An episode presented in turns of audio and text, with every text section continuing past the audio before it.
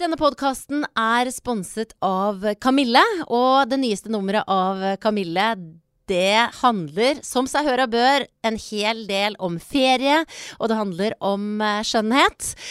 Og i tillegg til Kamille så er denne episoden av eh, Bra damer sponset av Norwegian. Jeg har nemlig vært på, først og fremst på kjærestetur med mannen min til New York. Og så fant jeg ut jeg kan jo skvise inn noen superbra damer der også. Eh, og derfor så fikk jeg hjelp av Norwegian. De sørget bl.a. for at uh, mannen min og jeg fikk uh, sitte på premiumseter på veien til The Big Apple. Og premium det er Norwegians svar på første klasse. Det er ikke like dyr champagne og like fancy som andre flyselskap, men det er heller ikke like dyrt. Og det som er deilig, er at du for ikke så veldig mye penger, da, kan eh, lene deg bakover og flippe opp sånn at du får støtte på beina. Og i motsetning til andre sånne lange eh, flyturer, så fikk jeg denne gangen sove, fordi det var mulig å finne en eh, god stilling. Så hvis du skal fly langt, så anbefaler jeg å sjekke ut tilbudene på premium. Og så sier jeg tusen takk til Norwegian. Jeg blir alltid så nervøs. Det sånn, virker dette, eller virker det ikke? Jeg har ansvaret selv. Ja, ja. Nei, Live fra Williamsburg. Williamsburg. Dette her er podkasten Bra damer. Jeg heter Guri Solberg. Og du som hører på denne podkasten fast, hører nå at det er litt annen lyd. Ikke bare fordi jeg er litt tett i nesa, men fordi at jeg nå ikke er i studio. Jeg er altså i New York City. Og jeg er, som du hørte, i Brooklyn, Williamsburg, på et ganske fancy hotell. Eh, og på hotellrommet så har jeg invitert med meg en bra dame. Marit Larsen. Hei. Hei, Marit. Det var, hørtes litt sånn dodgy ut når jeg liksom har invitert deg med opp på hotellrommet. Men Det er eh, herlig. Ja, er det ikke det?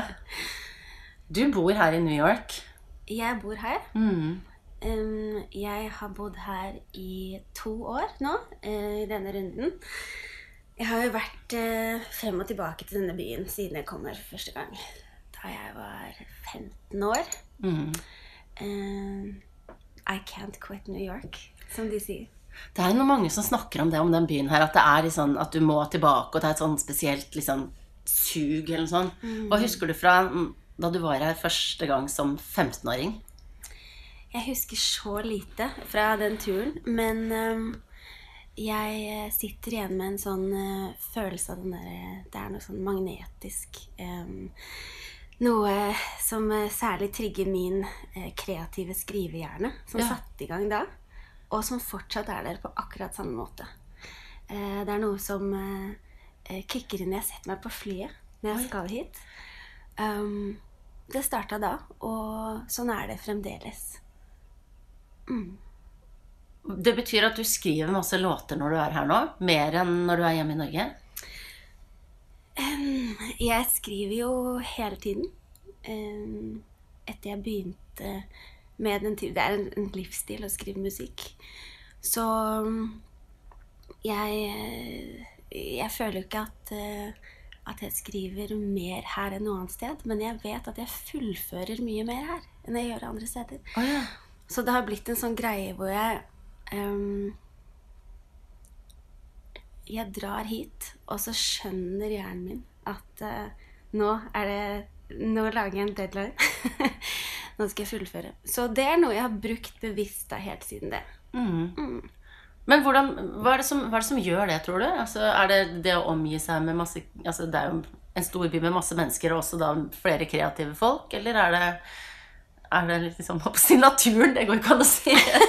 jo, det er jo litt natur her òg, men Ja, det er det. Man, man må bare lete litt etter den.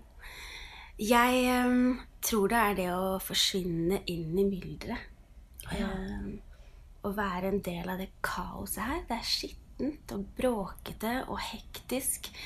Uh, så alt um, blir litt sånn destillert. Eller det er en følelse av å ehm, Og jeg, jeg snakker lavt, til og med. Jeg er Ja. liksom ja. um, har ikke en stemme som bærer, som er sånn humor i min vennegjeng. Um, men jeg ehm, det, det, nei, det har blitt Kanskje det bare er et triks. ja. Jeg skal bare, Apropos det du sa om at du har litt lav stemme, så skal jeg bare skru opp, så, så jeg er sikker på at jeg får alle de smarte tingene du sier inn, inn her. Oi, teknikk one, two. Hvorfor får jeg ikke tatt den der opp da, Marit? Ja, ja. Det er ikke så farlig. Jeg tar den bare litt nærmere deg. Ja, ja. Men, men eh, hva var det som gjorde at du flytta hit? Hva er det som dro deg hit nå i den omgangen, hvor du er her nå på andre året?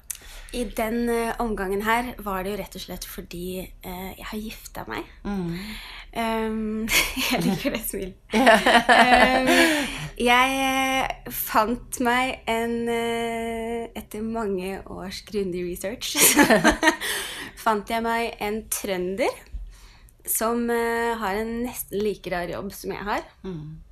Som eh, da vi møttes, eh, fortsatt var eh, ute i felt og jobba for Leger uten grenser.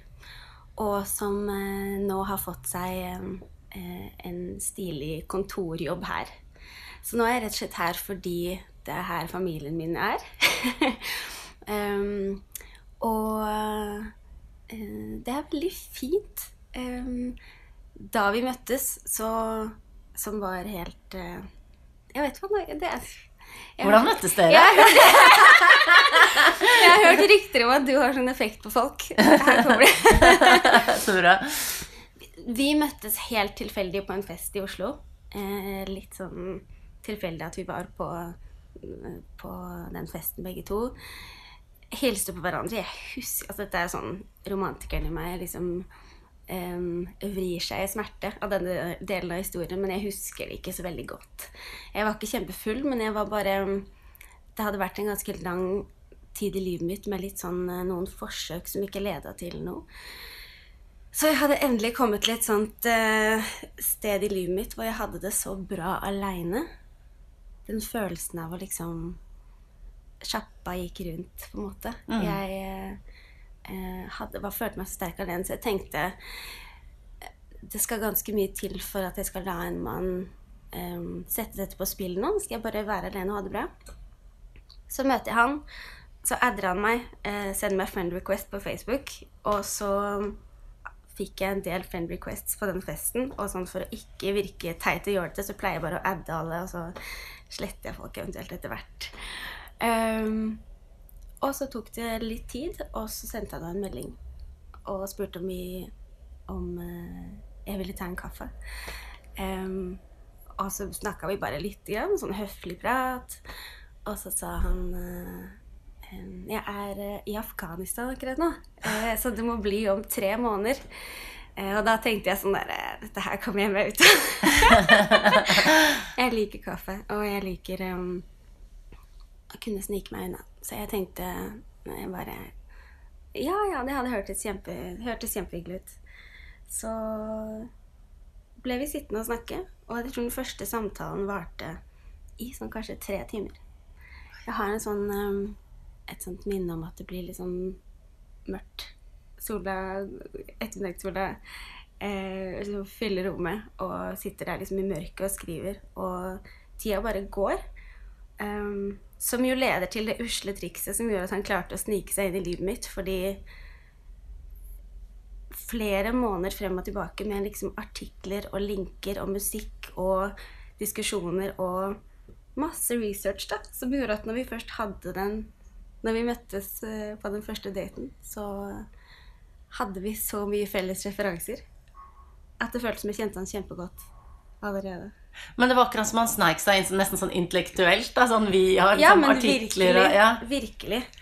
Hadde han eh, vært i byen og tilgjengelig for meg da, så eh, hadde jeg sagt nei, rett og slett. Hvorfor det?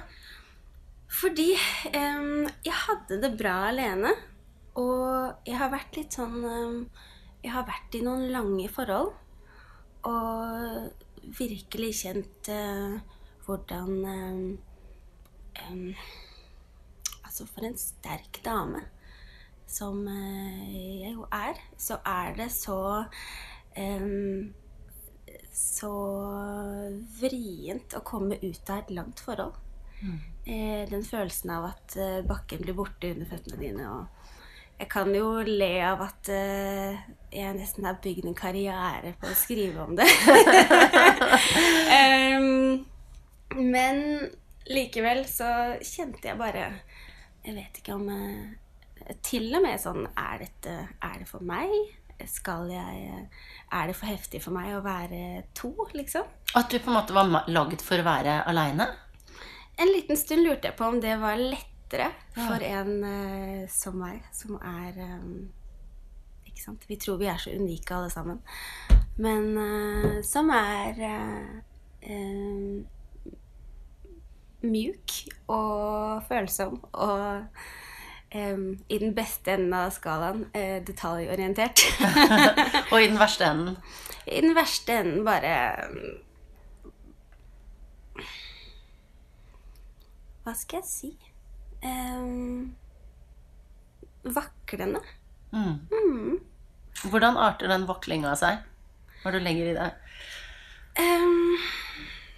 Jeg har endt opp med å se på det som eh, en styrke, og sikkert også det som gjør meg flink til det som er min jobb. Men jeg, eh, jeg bryr meg om alt. Jeg er ikke Jeg er ikke en sånn eh, som klarer å dure på, og som er så flink til å sortere. Jeg er litt sånn at hvis du legger ti ting på bordet foran meg, så er alle ti tingene like viktige. Ja. Ehm, men det, det liker jeg litt, altså. Mm. Eller nå liker jeg det veldig godt. Ja, for jeg ser for meg at hvis jeg hadde kommet med en bekymring til deg nå, at jeg er litt stressa for at jeg ikke skal få til det, eller eh, et eller annet, så ser jeg for meg at du hadde tatt det veldig alvorlig. Er det Jeg sånn du mener? Veldig Ja. alvorlig. Ja. Mm. Men det må, er jo da sikkert også slitsomt. Mm. Ja, eh, det kan det være.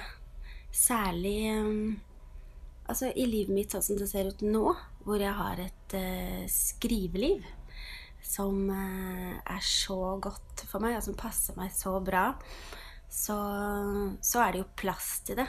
Og da skriver jeg om alt, og så kan jeg sortere det etterpå. Ser det på arket, eller uh, plasserer det i musikken, ikke sant. Men på turné, for eksempel, kjempeutfordrende. Ja. Mm. ja, hvordan er det da? Em, nei, men det naturen um, Turneens natur, liksom, i det å ha et sånt um, Reise fra sted til sted og forholde seg til nye mennesker hele tiden. Og et band som skal fungere, og tidlige morgener og lite søvn, og uforutsigbare måltider og alt det der. Så kan det bli ganske kaotisk. Jeg har virkelig De siste årene har jeg fått litt mer eh, Litt mer eh, Hva skal jeg si? Litt mer innsikt i at eh, jeg tror det er veldig mange eh, som har det sånn. Mm. Som eh, eh, bare har akseptert at det er sånn det er. Og det gjør det litt lettere. Mm. Ja. Mm. Og det har vært din måte også? Ok, sånn er jeg. Eller har du liksom jobba med å på en måte forandre deg på noen måte? Eller hvordan har du nå funnet en sånn slags ro som du virker du, som du har? Litt mer sånn Det eh, er greit Ja. å oppleve det her som kaotisk. Eh, å skjønne at eh, mestring, mestringen i den situasjonen ligger i å anerkjenne at dette er kaotisk. ja. Dette har jeg ikke oversikt over, og det er det ikke så mange som hadde følt at uh, Ikke sant? Um, som leder inn til en sånn Å, uh, herlighet. Føler at du er i terapi nå. Jeg var nysgjerrig. Det føles litt Ja. som terapi. Ja. Um, som jeg for øvrig må um, bare si også at jeg har fått uh, jeg har fått utrolig mye de periodene i livet mitt hvor jeg har gått til psykolog. Eh, det syns jeg for øvrig alle burde en gang i livet. Mm. Eh, har vært så nyttig for meg også i dette. Å eh, forstå hvor denne eh, Hvor dette kaoset kommer fra. Ja. Mm. Men hvis du er litt sånn svamp da, for inntrykk og sånn, som vi jo alle er i større eller mindre grad, så tenker jeg å bo i denne byen, som jo er på en måte konstant dirrende, durende, skrikende, alt. Eh, hvordan, hvorfor funker det likevel så bra på deg? Altså, det har en helt magisk effekt. Det er så mye at det blir stille, nesten. Eller hva? Ja. ja. Ja, um, kanskje litt som uh, Altså jeg sover godt på fly, for eksempel. Jeg har masse action rundt meg, og masse lyd. Um, jeg eh, husker fra jeg var liten, da det var liksom middagsselskaper hjemme. Når det var sånn høy latter og eh, lyden av eh, folk som snakker og summer, og jeg elsker å ha liksom døra opp. Ja, ja, ja. Um, så er tydeligvis et eller annet der. Um, også når vi er på turné, sover i Det kan være liksom åtte-ni mennesker som sover i en buss sammen. Det er bare fred i sjela. ja. Ja. Um, men så finner jeg stillheten. Jeg finner um, Der jeg bor nå, har jeg um, Ser jeg på en måte et nytt, et nytt New York fordi jeg har en liten terrasse som er eh, bare vår. Der er et stort, grønt tre som blomstrer, og jeg kjenner naboen min. Det er liksom en sånn Jeg finner fristedene mine i, i kaoset. Mm, Ja. ja. Er du glad i livet ditt sånn det er nå? ja veldig. Ja. Veldig. Er du sånn som måte som planlegger og ser for deg hva skal jeg si, sånn femårsperspektiv, eller hvordan, hvordan ser du for deg livet ditt? Altså, det som er rart, er jo at jeg Som et eksempel så har jeg jo nå gitt ut plater i 21 år, ikke sant. Det er ganske spesielt, for du er jo ikke så innmari gammel. Nei, jeg er 34. Mm. Um, og når jeg ser tilbake på det, så ser jeg det som en sånn En lang karriere der, der én ting har ført til en annen, og um, det ser ganske oversiktlig ut på avstand.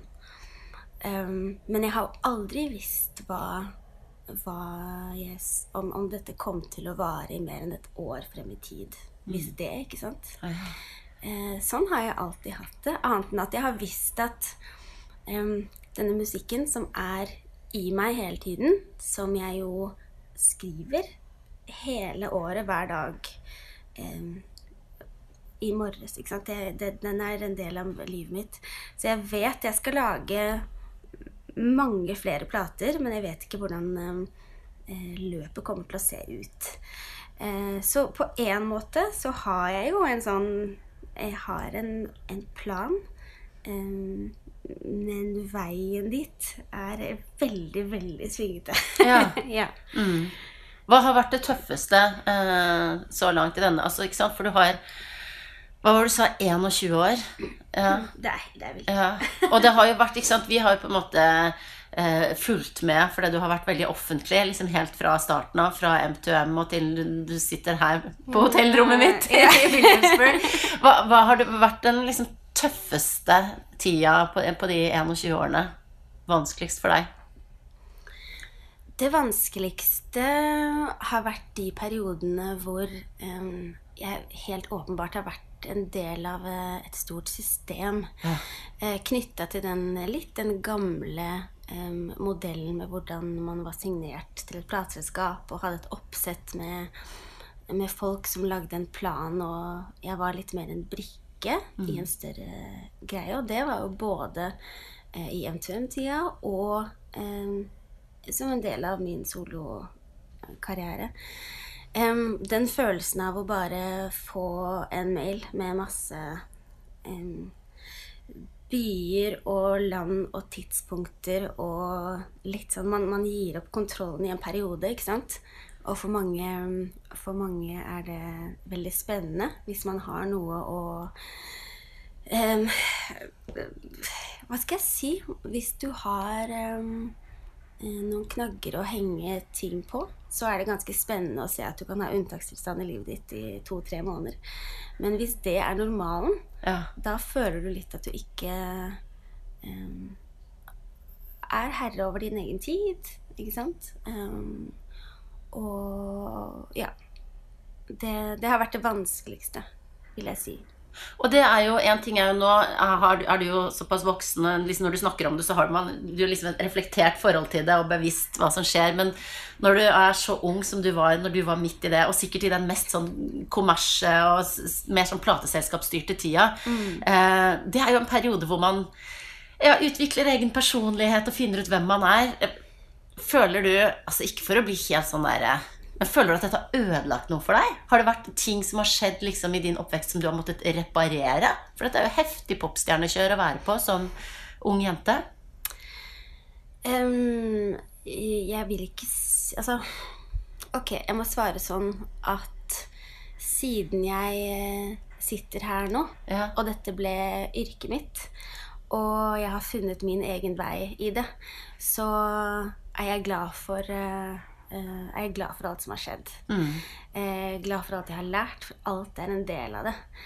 Ehm, men det er helt klart at jeg eh, Det ligger sikkert også Jeg tror det ligger litt i min personlighet at jeg eh, Jeg er eh, flink til å eh, Flink til å eh, drømme meg bort. Em, igjen, ikke sant. Dette gjør meg sikkert uh, er bra for skrivinga mi. Men jeg husker veldig Har har hatt noen tidspunkter hvor jeg har kjent sånn en eh, ganske intens lengsel etter å bare um, Altså gå på videregående, f.eks. Ja. Jeg gjorde jo alt det der som privatist. Eh, Aleine. Um, var ikke russ på vanlig måte. Um, lengte etter å bare være en av gjengen. Eh, og det har jeg, det har jeg fortsatt eh, i meg. Jeg kjenner en sånn eh, litt sånn sorg på vegne av Marit som kom inn på Lillestrøm videregående. Og så er det en sånn en tanke som jeg ikke engang Jeg var ikke halvveis i den setningen nå, for jeg må tilføye sånn Men jeg er så takknemlig for de sjansene jeg har fått. Ja. Og eh, det er selvfølgelig eh, nesten utelukkende positivt å kunne få lov å da Sånn som det har blitt nå, skjønne at jeg jo begynte på utdanninga mi da jeg var 13. Ja. Ikke sant? Um, og jeg har jo opplevd mye fantastiske ting. Men den rotløsheten um, og den lengtingen etter um, noe som var uh, Altså, for å sette det på spissen, da. Det, det begynner jo ikke engang da jeg var 13. ikke sant? Jeg fikk jo min første profesjonelle jobb da jeg var sju. Det er galskap. Ja. Jeg mista tenner. Altså Jeg spilte i Annie. Jeg spilte fire profesjonelle musikaler på rad. Allerede da hadde jeg masse fri fra skolen, og det var sånn unntakstilstand, da. Mm, så jeg har nok lengta etter å få være med i fellesskap, på en måte. Føler du at du er det nå? Um, jeg føler det, føler det når jeg spiller inn plate. Jeg føler det når jeg er på turné. Da er det hypersosialt, ikke sant? Um, I perioder hvor jeg har det bare Jeg elsker det. Den der intense tida som eh, jeg da sjonglerer med litt sånn ekstreme eh, aleneperioder hvor jeg skriver, da. Hvor jeg bare henger med meg sjøl hele dagen. Ja. Ja. Det er store kontraster, men nå skjønner jeg også at jeg trenger begge deler. Mm. Men hvordan passer mannen din inn i det her, da? Altså, er han inne, altså Når du sier at du bare er med deg sjøl, inkluderer det egentlig han også? Det som er så fint, er at um, For det første er vi begge to sånn at um, vi stuper inn i ting, og så går vi sånn intenst inn i noe. Enten det er eh, en ny eh, hobby eller interesse eller et forfatterskap eller hva det skulle være. Um, og vi elsker å jobbe. Vi jobber med ting som vi syns er utrolig meningsfulle. Og um, endelig har jeg funnet en eh, livsstil og en, eh, en mann som er eh, Ja, som er like um, Like nerdete og uh, ikke, Vi føler oss ikke trua av hverandres uh, crazy arbeidsmønster. Nei. Så må vi jo ta fri og pauser fra det uh, innimellom også, men um, det føles veldig fint. Han føler seg ikke trua av at jeg forsvinner inn i mitt, og jeg kan bli så distré og så lukka og rar som bare det. Og det er helt greit, for han veit jeg kommer ut igjen. Um, så det, det, passer, det passer meg veldig bra. Mm. Men jeg ser for meg hvis han da Altså, du er din egen sjef og sitter hjemme. Du sa du hadde skrevet i dag tidlig. Er det noe du, Gjør du det hver dag? Ja, jeg har veldig, veldig rigid eh, ja, selvdisiplin. Jeg må nesten bruke ordet rigid. Ja, Ja. men fortell da, hvordan, hvordan er en dag da, når- etter ditt mønster? Nå er jo også Det må jeg si først, fordi det som er morsomt med eh, dette oppholdet mitt her nå, i kontrast med hvordan jeg har hatt det her før, er jo at eh, når jeg har vært her før, så har jeg levd ut sånn Jeg har kunnet jobbe Altså dratt hit og så bare brukt tidsforskjellen til Norge med å liksom gjøre unna ting eh, tidlig på morgenen mens eh, folk fortsetter på jobb der, og så kan jeg bare sette meg ned og jobbe og bli sittende i 10-12 timer og bare Oi, ja. em, forsvinne inn i det. Nå er jeg jo her em, sammen med en mann som da har vanlige arbeidstider.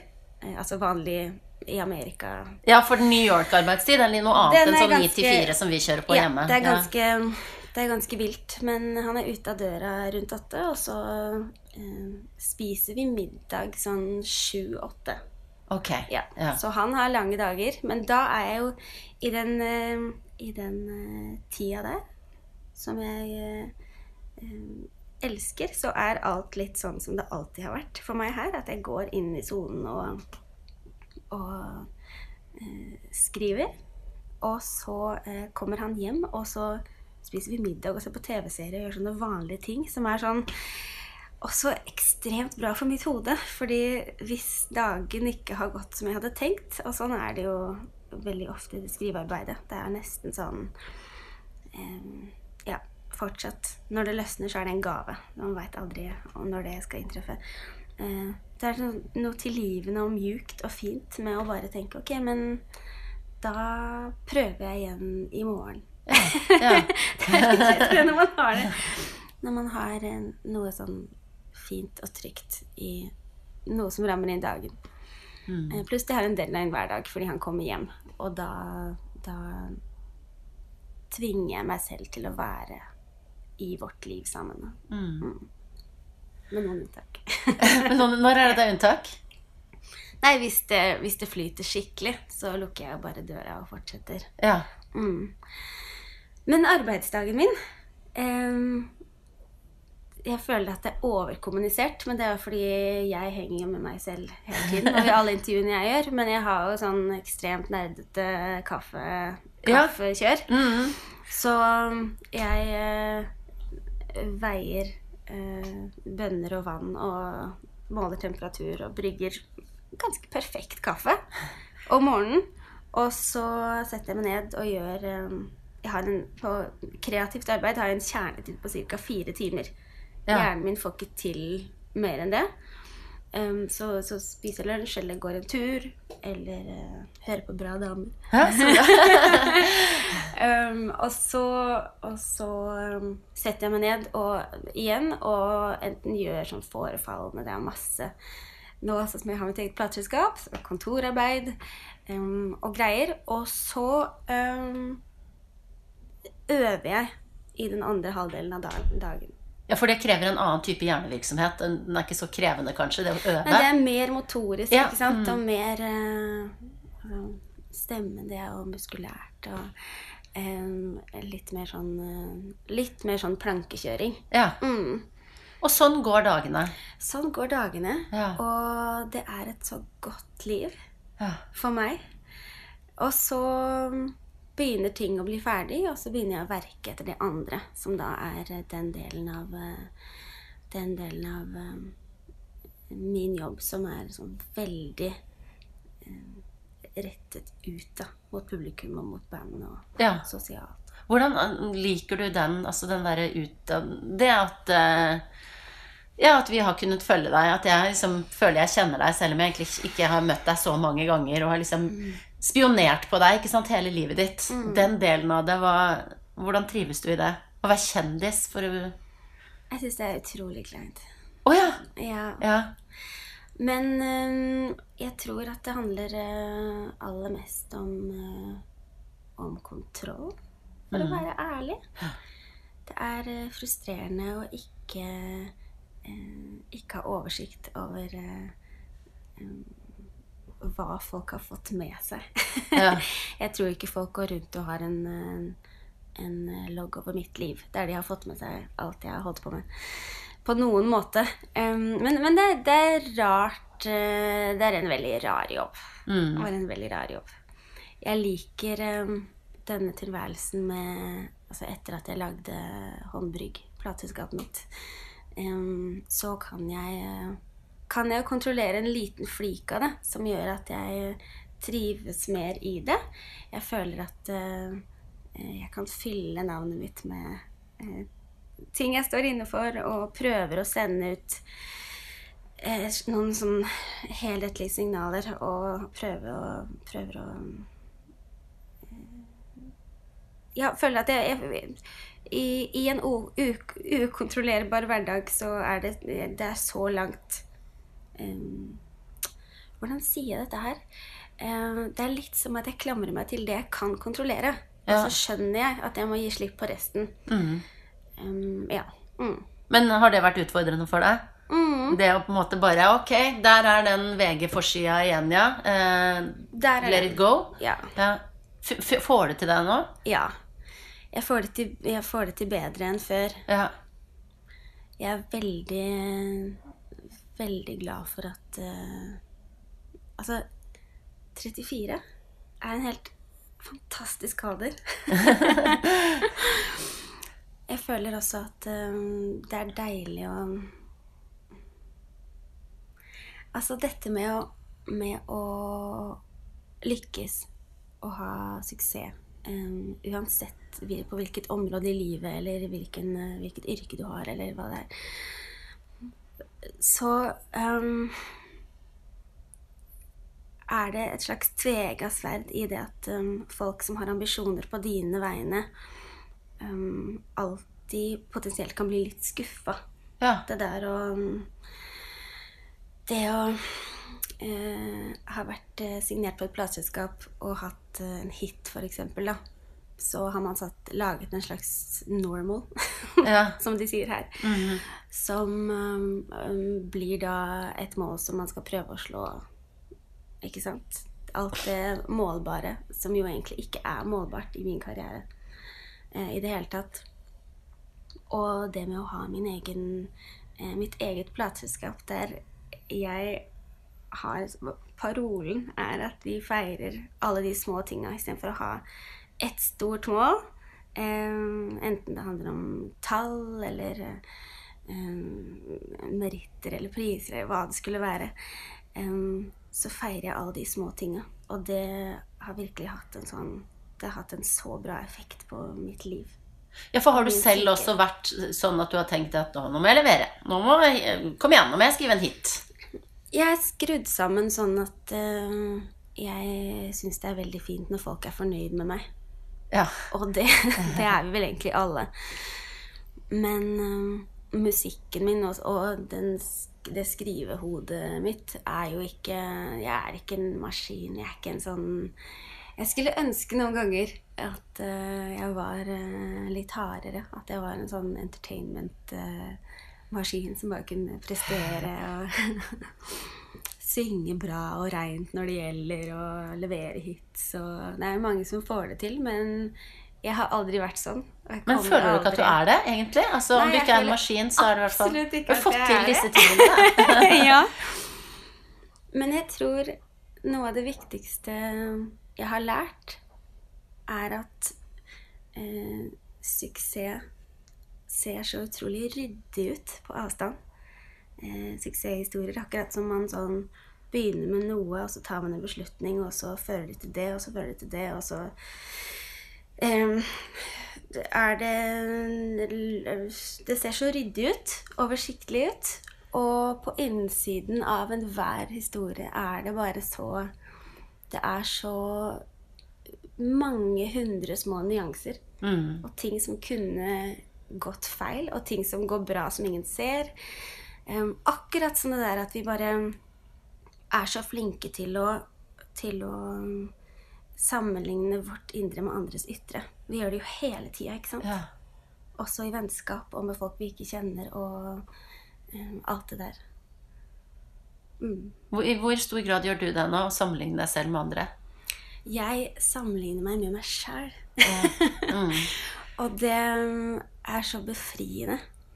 Fordi eh, den veien som funker kjempebra for hun eller han, fungerer sannsynligvis ikke for meg. Fordi jeg er Det er jo så åpenbart, men fy søren, vi må øve oss på det, altså. Ja. Alle sammen. Og det er så Vi har så lyst til å eh, Det å, det å kunne hvile i at man f.eks. har gjort et stykke arbeid som var optimalt. ja. Det var så bra jeg kunne få til det på det tidspunktet. Em, det er noe man må bestemme seg for å tenke. Ja.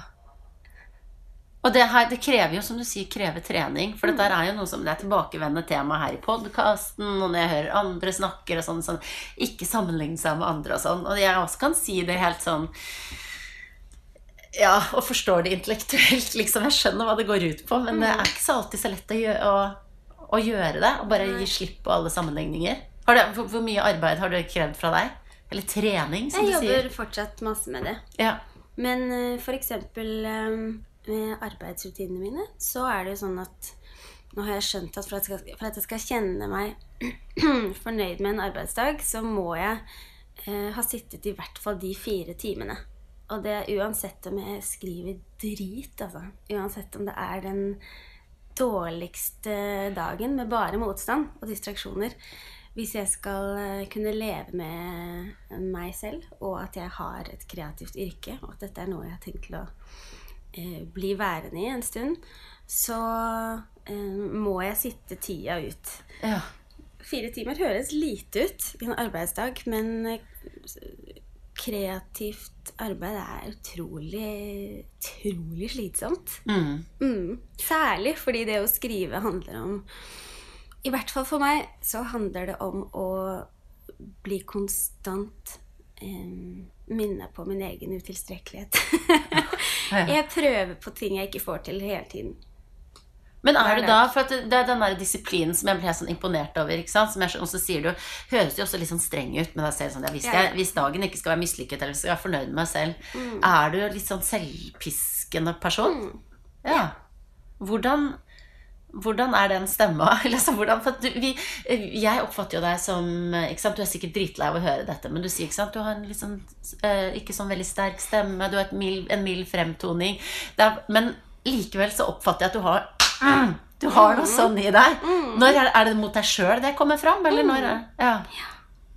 Og det er eh, jo paradokset, sikkert, fordi jeg Det er bare meg selv jeg har sånne forventninger til. Oi. Eh, og det er eh, på, en, på en måte er jeg jo glad for det, fordi det gjør at jeg Jeg har blitt skikkelig flink til det jeg gjør. Ja. Og jeg får til ting.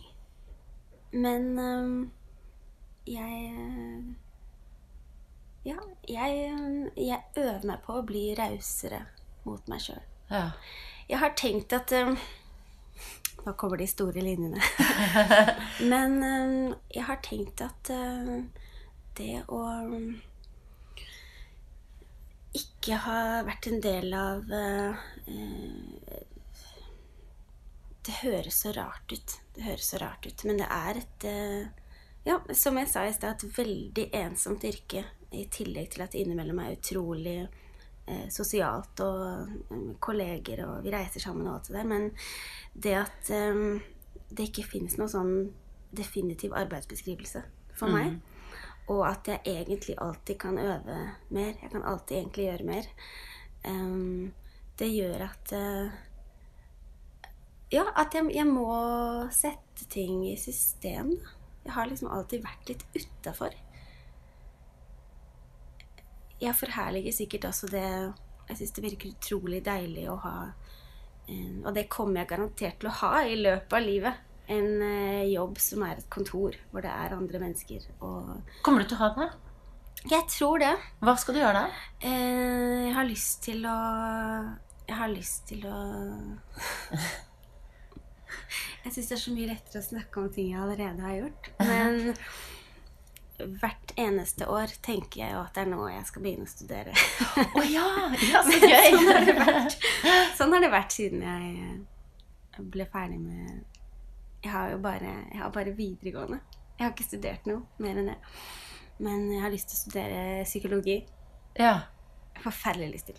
Lenge var det eh, nordisk litteratur og vitenskap, men nå, nå tenker jeg at er, eh, jeg har lyst til å studere psykologi. Psykologi. For å eh, kunne ha folk i terapi, eller for å bli forsker? Hva ser du for deg? når du først skal- Jeg har um, lyst til begge deler. Ja. Jeg er utrolig Jeg føler jo at jeg At jeg eh, forsker på mennesker. Det er jo det jeg gjør nå. ja. Jeg syns det er så utrolig interessant å forske på mennesker. ja. Jeg har lyst på papirene som eh, Som eh, Ikke sant? Kanskje det er det jeg egentlig heller vil. ja. Eh, jeg har lyst til å studere fordi jeg har lyst til å lære. Mm. Ja. Jeg intervjua jo eh, for eh, ja, det tror jeg nesten er et år siden, så intervjua jeg jo Marion, din eh, tidligere makker. M2M-makker. Og da husker jeg satt sånn og tenkte mens vi prata sånn skal jeg, ta, skal, jeg gå, skal jeg gå og spørre om det er M2M-greiene nå, eller skal vi drite i det, liksom? sant? Ja. uh, og så kom vi på et eller annet tidspunkt til at hun snakka om hva hun var veldig lei av at folk spurte om. Og, jeg, jeg tror Bra jeg, liksom, jeg er så jævlig lei av det, så tenkte jeg la det ligge, jeg.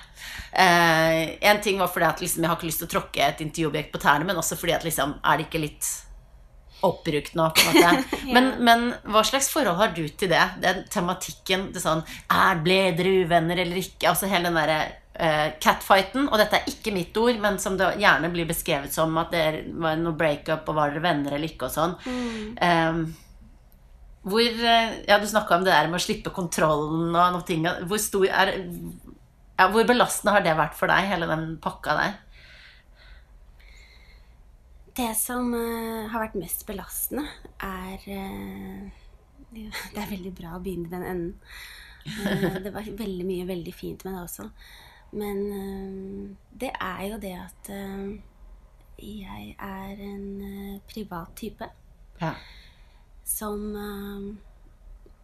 ikke går så dypt inn i det private i noe aspekt av livet mitt. Nå har jeg snakka om mannen min, men det er jo egentlig litt uh, unntakstilstand for meg. Um, og den følelsen av at uh, vi er uh, Jeg ser tilbake på den tida og får sånn Jeg har et varmt sted i hjertet mitt for de vi var da, og den situasjonen vi endte opp i. Uh, to veldig unge hoder som eh, ble utsatt for eh, noen ganske sånn ekstreme omveltninger og omstendigheter. Og eh, vi hadde liksom ingen knagger å henge noe på. Jeg hadde min uh, opplevelse av det, og hun hadde jo det. Uh, sin egen opplevelse av det. Uh, og det har vært litt sånn derre Følelsen av at hvis vi skal eh, jeg, jeg, jeg tenker at vi er ikke så eh, Litt som eh, Det var et veldig fint intervju med henne. Jeg hørte jo på det, så klart. Som du hadde gjort. Ja. Um, og den følelsen av at uh, man ender opp med å snakke om noe som er så lenge siden, og at man ikke helt kan stole på sin egen hukommelse av ting. Ja. Um, og alt det der. At det føles som en sånn å holde noe levende som ikke Altså historien om det. Mm. Som at uh, det er en sånn mytisk uh, ja. Eh, viktig ting. Jeg vet at jeg lærte utrolig mye Utrolig mye viktig i den tida der. Og nå som jeg vet hvor det ledet, at eh, jeg endte opp med å kunne em, Altså, så mye jeg lærte i den tida der, har jeg kunnet bruke seinere i karrieren min. Så er jeg Mm. veldig glad for det. Eh, men det var en, eh, en ganske drøy tid for meg, altså. ja. Og for henne også, åpenbart, i livet. Jeg tror at vi, vi trodde Jeg husker vi sa det her i intervjuer, og jeg ler litt av det nå, men den der um, følelsen av at uh, Siden vi hadde gitt ut en barneplate Vi ga ut en barneplate da vi var 13 og 14. Uh, så sa vi sånn Ja, vi sa det i intervjuer her. Og sånn, jeg husker det.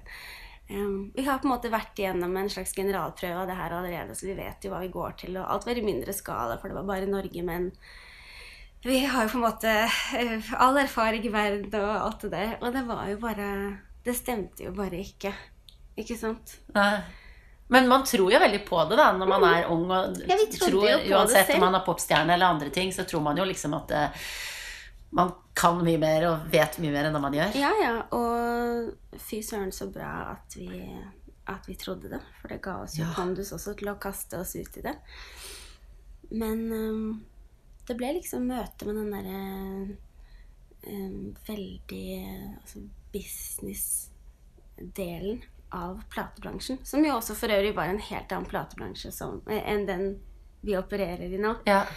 Eh, Det var veldig gøy faktisk, fordi jeg så akkurat et helt fantastisk intervju med Robin. ja, og var du i går Mm. på MoMA? Ja, ja. Og hun snakker om så mye av eh, det samme. Mm. Hvor jeg kjente at eh, har veldig lyst til å drikke masse vin med Robin. ja.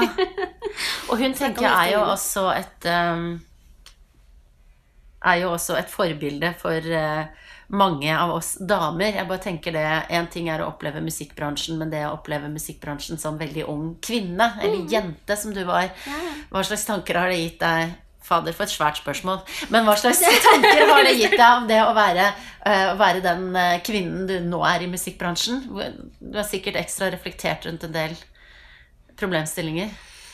Ja, dette er en, dette er en ny En, En egen podkast. Ehm, jeg eh, føler for min egen del at jeg har vært heldig fordi eh, musikken og magien i å få lov til å gjøre noe som eh, jeg elsker så høyt hver dag, har vært en liten sånn der, Det er en sånn kapsel som eh, jeg har med meg, som er grunnen grunn til det jeg gjør. Det er kjernen i det jeg gjør. Eh, så det har vært en sånn Heldigvis eh, noe som har vært en konstant. Den har vært der helt siden jeg begynte å spille fiolin da jeg var fem. ikke sant? Det er noe som eh, faktisk da til denne dag også har vært en sånn ubesudla greie.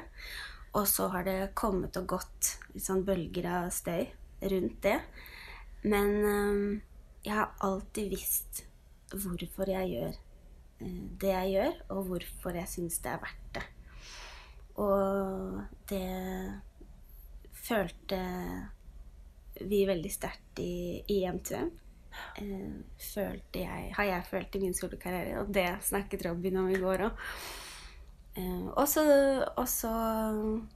eh, håper jeg selvfølgelig at den, den delen av det fortsatt vil være en sånn, noe som bare vokser seg sterkere og sterkere. Ja. Uansett.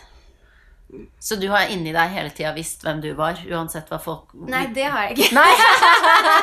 Jeg skal ikke skryte på meg. Men jeg har visst øh, hvorfor jeg Hvorfor jeg øhm, lager øh, musikk. Musikken og skrivinga for meg er en sånn Det har vært en, det er den eneste Det er noe konstant som har vært i meg så lenge jeg kan huske. Og det er jeg så glad for at jeg har. Um, det er en sånn Det er jo i all sannhet mitt livs største kjærlighet. Ja. Den er jo der. Og jeg Jeg elsker at det er sånn, og så hater jeg at det er sånn noen ganger. Men um, Hvorfor hater du det? jeg, jeg kan hate det på de dagene hvor det er uh, utrolig uh, vanskelig å lage noe nytt, f.eks. Jeg Ja. kan hate det hvis jeg um, eh, står på scenen og ikke Hvis det er for mye som foregår til at jeg greier å eh, setter pris på at jeg står der og holder på med det. jeg gjør. Noen ganger så tenker jeg på noe helt annet enn det Altså hvis lyden er feil, eller Ja. Ikke sant? Men um, det er, er en Én ting i livet mitt som ganske pålitelig kan Eller som helt pålitelig kan gi meg uh, en følelse av ekstase. Ja. Liksom, rett og slett. Og det føles eh, Det blir egentlig bare sterkere og sterkere. Mm. Du, eh, her vi sitter på hotellrommet, så jeg ba deg om å ta med en dings eller noe som kan si noe om hvem du er. Mhm. Eh, hva har du tatt med deg? Jeg går og finner den. Ja, gjør det. Den lille brune veska som Marit har satt i eh, kroken på dette her eh, ganske lille, men eh, ikke for å skryte, ganske fancy hotellrommet vi sitter på. vi må jo gå ut og se på utsikten etterpå. Jeg skal filme det, så kan jeg legge det ut på Bra damer sine sider. Så kan dere se. Ja. Ja, vi må gjøre det. Vi må også legge ut et bilde av dette flotte mikrofonstativet. ja, Provisoriske studioet du har lagd. Jeg har altså stablet tre puter oppå hverandre, og så oppå der så ligger en mobiltelefon med opptaket på, og så sitter vi liksom ved siden av hverandre i en eh, sofa og prater. Så det vi skal ta, vise det etterpå. Her, ja! Altså her, Startnummer. rett og slett et startnummer. Ja. Jeg må forklare hvorfor dette er viktig, og hvorfor det er humor. Eh, min familie med musikere, altså mamma klaverpedagog, assisterende rektor, faen nå skryter av foreldrene mine, Bra. eh, på Musikkskolen i Oslo, og eh, pappa cellist i Filharmonien. Vi er en familie med musikere der fokus er Altså, vi er så lite sportslige som det kan få blitt. Jeg eh, er jo sammen med da en mann som også har vært idrettsutøver. Håndballspiller. ja, som ler seg i hjel. Jeg, jeg kan ikke ta imot et par sokker fra andre siden av soverommet. Jeg er, he jeg er helt ute. Em, alt som eh, er potens... Altså alt man kan Jeg har ikke brekt et bein i kroppen. Jeg tar ikke fysisk risiko. Det er bare det er sånn, det, sånn har det alltid vært. Um, så kom jeg hit, og dette er også en del av en større historie som uh, jeg kommer til å ville fortelle om seinere. Men uh, jeg har trengt å bli glad i min kropp. Og kjenne at kroppen min får til eh, ting. Så jeg begynte å løpe da jeg flytta hit. Oi. Det vil altså si um, Da for to år siden. Eh, Fram til det har jeg bare um, trent fordi det er bra for hjertet, og fordi jeg ville holde meg i form. Her har jeg, jeg har blitt en langdistanseløper, Oi. og det her er så usannsynlig. Og så Altså, jeg er fortsatt i sjokk. Men det morsomste med det, annet enn at jeg gjør det, er at jeg faktisk liker det. Yes. Og så, ja, så her er jeg som et startnummer, fordi jeg driver, dette var mitt andre halvmaraton. Eh, Jeg driver nå og samler opp eh, Det er en sånn ordning med en løpeklubb her som heter New York Roadrunners. Der hvis man gjør ni løp på et år og gjør én sånn eh, frivillig eh, jobb Sånn er å altså, dele ut vann på løpet eller eh, være med å rydde. Så kan man få lov å eh, Eller så, ja, så får man garantert plass til maraton neste år. Oi, oi. Så nå sier jeg det her. Du skal løpe Det her kan jeg, kan jeg ende opp med å angre på. Oi, oi, oi. Men New York Marathon i 2019 har jeg nå. Jeg er ett løp unna å sikre meg det. Og det er altså For meg er dette eh, det, er, det er humor.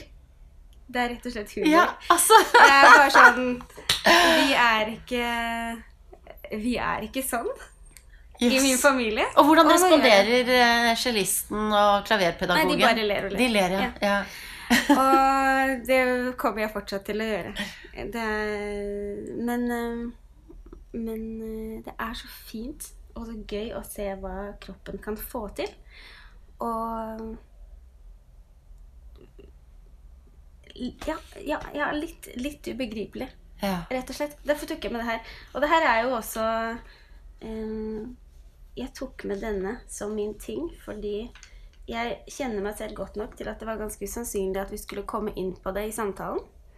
Og det skjedde jo ikke. Nei. Så det var veldig bra, for nå tvinger jeg meg til å både ta den med, til å skryte av det, og til å binde meg til å faktisk jeg skal gjennomføre neste år. Ok, ta notatet, folkens. Ja. Og så, eh, og så eh, nevnte du liksom i en forbifarten, og jeg respekter, skal respektere at du sa at dette vil du prate om senere. Men Mm. du sa at du hadde lyst til å bli venn med din egen kropp. Er du det nå? Ehm, nei, men jeg nærmer meg. Ja. Mm, ja, det er jeg glad for å høre. mm. Mm. Jeg pleier jo alltid, og dette vet du, for du har hørt på Bra damer, Mm. å stille noen faste spørsmål. Ja, ja, ja. ja, Dere kan jo ikke se dette, men allerede nå så har Marit begynt å rødme. Men det første spørsmålet er hva spiste du til frokost i dag? Det er lett. Ja, Jeg spiste havregrøt. Og det gjør du alltid, hører Hver jeg. dag. Ja. Og dette er en del av eh, dine, din hverdagsrutine, ritualet. Ja. Spiser du da sammen med mannen din, eller? Nei, han spiser ikke frokost. Oi. Han øh, sykler øh, Jeg tuller med det her, men øh, jeg er egentlig livredd for det. Men han er altså pendler på sykkel. sykler fort til Oi. og fra jobb i den crazy trafikken. Jeg tenker at jeg sitter og bekymrer meg i hjel når han, øh, han var i Syria i juli i fjor. Øh, Ah. han, har, øh, han jobber i høyrisiko, men jeg føler innimellom at å sykle i New York-trafikken er farligere. Men det har gått bra med han så langt? Det var en spøk, altså. Bare sånn. Eh, men han spiser ikke frokost. Vi spiser sammen i helgene. Vi har helger. Vi har helger. Vi har frie helgene. Og det er noe uvant for ja, en musiker. Det er veldig uvant. Ja. Ja, det vet jo du. Ja, for jeg er gift med han, og jeg, vet, og jeg, og jeg jobber jo mye i helgene selv. Men, eh, men det er sant, det er nydelig, er det ikke det? Ja, Ja. det er helt fantastisk. Eh, ja, så havregrøten er eh, Altså havregrøten og kaffen. Det er hver dag. Mm. Og da Altså, man holder seg mett så lenge. Det er så Ja. bra. Hvor lang tid brukte du på å finne ut hva du skulle ha på deg i dag? Jeg brukte mm, kanskje ti minutter, mm. eller noe sånt. Vi eh, hadde ikke vaska tøy på en liten stund, så det var litt sånn hva eh, Eller jeg lette etter ting jeg trodde var reine, som ikke var det. Er det det som måte styrer klesvalgene dine, eller er du eh, du er, altså jeg bare tenker sånn, Jeg oppfatter deg som en velkledd person. Tusen takk. Ta, velkledd, jeg måtte tenke meg litt om. Ja. Nei da. Jeg Bare som en nesten. Jeg eh, er eh, Ja, jeg syns det er gøy med klær, men jeg er også sånn som eh, Jeg har eh, klær som fungerer til de forskjellige delene av livet mitt. Ja. Jeg syns det er veldig deilig nå å ikke være så ikke være så synlig, fordi jeg også kan tenke mindre på det. ja. Ja. Men når jeg skal på turné, så finner jeg to ting som jeg bruker hele turneen. ja. Det er så bra når man er på scenen, fordi folk er langt nok unna til at eh, klærne kan stinke. Og jeg bare tar på meg ting rett før jeg skal på scenen. Tar på meg eh, konserten, på en måte. Kler på meg konserten, og så eh, kler jeg av meg konserten. Og kan fortsette videre livet mitt. Og når du skal velge det konsertantrekket, hva er det som er viktig da? Da er det mm, Jeg spiller jo eh, flere instrumenter, så det må fungere eh, i alle ja. Sånn som gitar, for eksempel, så hever man jo Særlig jeg som er sånn liten, så må, må strekke den ene armen ganske langt opp.